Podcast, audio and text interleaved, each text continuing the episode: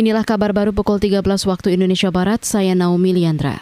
Majelis Ulama Indonesia MUI merilis panduan pelaksanaan ibadah selama bulan Ramadan dan Idul Fitri 1443 Hijriah 2022 Masehi.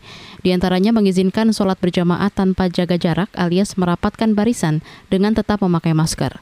Pelaksanaan ibadah boleh dilakukan dalam skala besar atau berjamaah, seperti sholat tarawih, sholat Jumat, sholat lima waktu, hingga sholat Idul Fitri.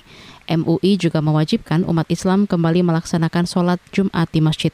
Dalam keputusan yang ditandatangani pimpinan MUI dan Komisi Fatwa, MUI juga membolehkan umat Islam melakukan swab atau tes COVID-19 hingga mengikuti vaksinasi. Menurut MUI, aktivitas itu tak membatalkan puasa. Dewan Perwakilan Rakyat Republik Indonesia DPR RI meminta pemerintah patuh pada peraturan perundang-undangan mengenai izin usaha pertambangan atau IUP. Ketua Komite 7 DPR RI Sugeng Suparwoto mengingatkan soal tahapan dalam pencabutan IUP.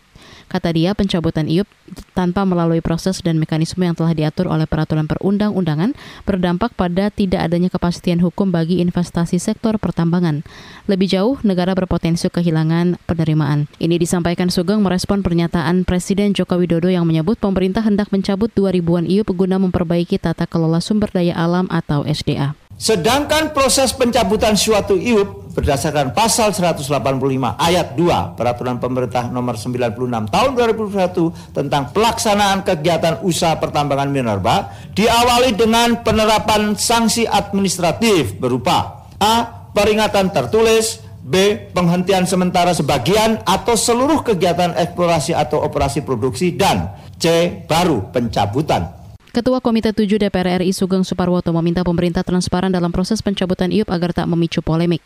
DPR mengatakan rencana pemerintah mencabut IUP dikeluhkan para pengusaha, bahkan ada dugaan pencabutan IUP menyalahi Undang-Undang Minerba karena keputusan pencabutan izin keluar dari Kementerian Investasi atau Badan Koordinator Penanaman Modal BKPM bukan Kementerian Energi dan Sumber Daya Mineral atau ESDM.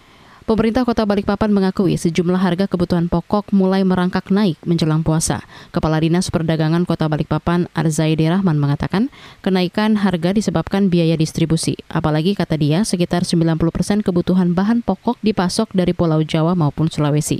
Memang ada beberapa kenaikan yang sudah ada kenaikan seperti gula ya, kemudian daging juga. Nah ini memang ada pengaruhnya daripada distribusi, karena distribusi, pengaruh distribusi ini kan otomatis mempengaruhi biaya produksi.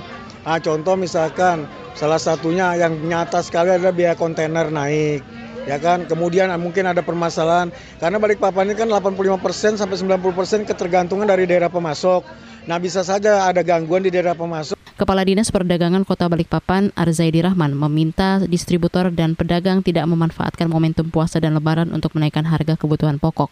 Pihaknya akan memonitoring setiap saat khususnya alur distribusi dari bongkar muat di pelabuhan ke distributor hingga ke pedagang di pasar. Dia juga mengimbau masyarakat tidak panik sebab stok kebutuhan pokok saat ini mencukupi hingga Juni 2022. Saudara, demikian kabar baru KBR. Saya Naomi Liandra, undur diri.